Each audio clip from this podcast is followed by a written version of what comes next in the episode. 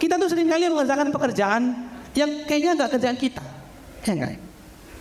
Itu kerjaan PNS, sering kali gitu aku. Aku tuh pernah ditelepon jam 2 subuh sama atasanku.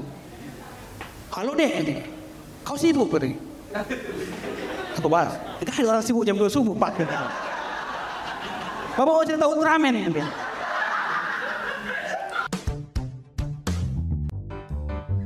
Penasaran sama versi lengkapnya? Tonton dan dengarkan versi fullnya hanya di comika.id.